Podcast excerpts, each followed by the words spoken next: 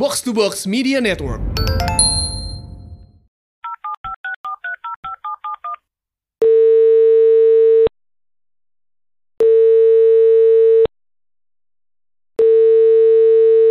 Hai, aku Adria.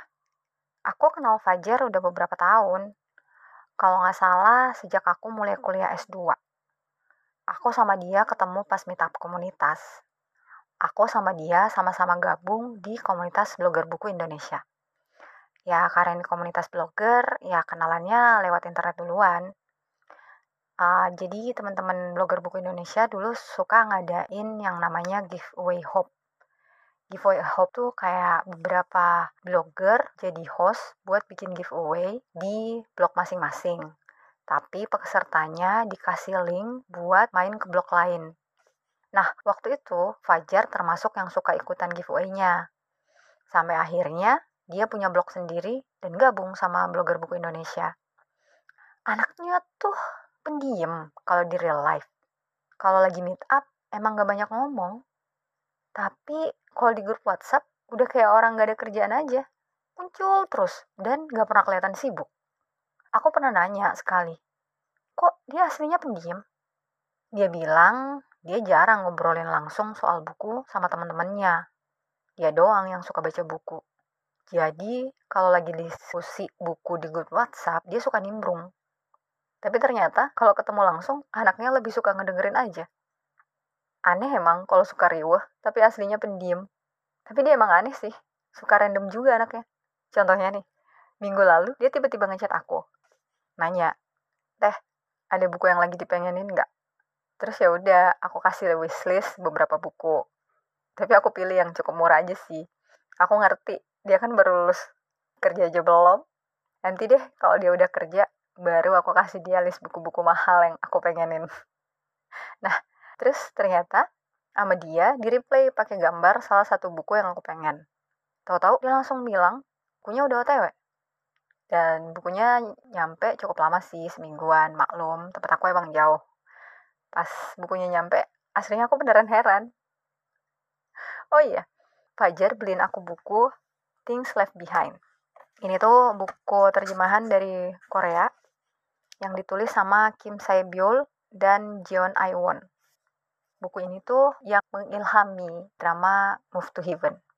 Buku ini kan menceritakan tentang pengalaman pribadi dan renungan personal dari penulisnya yang profesinya tuh uh, sebagai perusahaan yang kerjanya membersihkan eh, barang-barang dari orang yang sudah meninggal.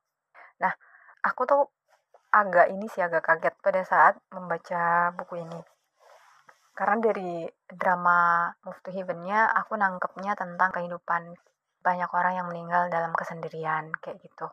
Nah, ternyata buku ini tuh pesannya jauh lebih kuat dari itu. Karena e, buku ini tuh kayak di beberapa kesempatan, bahkan cukup sering, dia tuh kayak ngomong kalau kamu punya keberanian buat bunuh diri, pakai deh keberanian itu buat bertahan hidup. Kayak kesepian mungkin e, memang sulit dihadapin kayak gitu.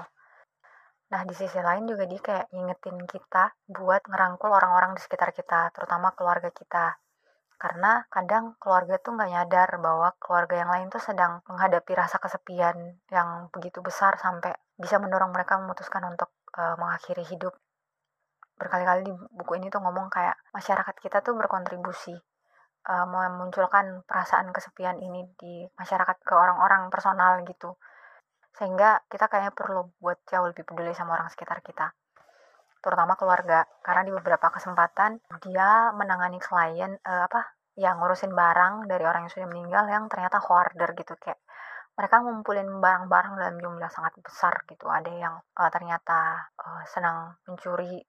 Hasil curiannya tuh kayak udah numpuk banget di rumahnya. Terus ada juga yang ngumpulin kayak uh, sampai karyawannya ngomong ini tuh bukan rumah lagi udah kayak museum. Karena sampai uh, koran-koran tua uh, album-album tua kayak gitu ada di rumah itu gitu. Dia ngomong kayak ini tuh sebenarnya pengalihan dari rasa kesepiannya mereka. Sampai mereka perlu buat ngumpulin benda-benda seperti ini. Dia kayak ngomong seandainya keluarganya menyadari bahwa ini tuh kayak permintaan tolong gitu loh. Tanda sebenarnya bahwa ada yang salah dari keluarganya.